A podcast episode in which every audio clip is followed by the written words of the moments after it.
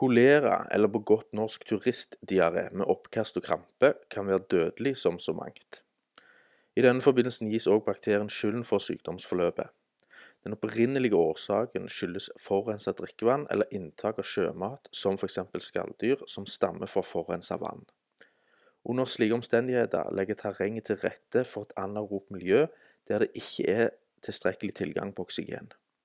Kolerabakterien, som er pleomorfisk av natur, vil være til stede og tilpasse seg terrenget for å gå over i en fermentering, altså en såkalt gjæringsprosess.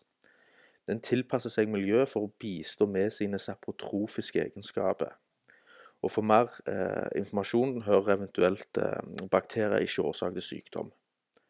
Toksinene som bakterien inntar og sekrerer i forbindelse med avfallshåndteringa, vil være toksiske for oss mennesker og forårsake symptomer som oppkast og diaré.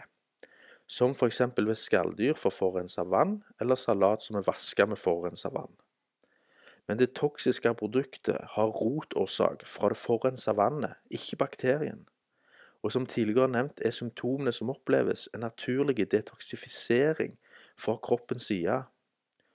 For å si det sånn, et hoggormbitt skyldes ikke en bakterie, eller virus for den slags skyld, selv om bakterier er til stede. Årsaken, som de fleste vet, er toksiner, altså gifter fra ormen sjøl. Det eksisterer ikke bakterier som forårsaker sykdom. Som ved bakterier og virus generelt er òg kolera, eller er ofte kolera asymptomatisk.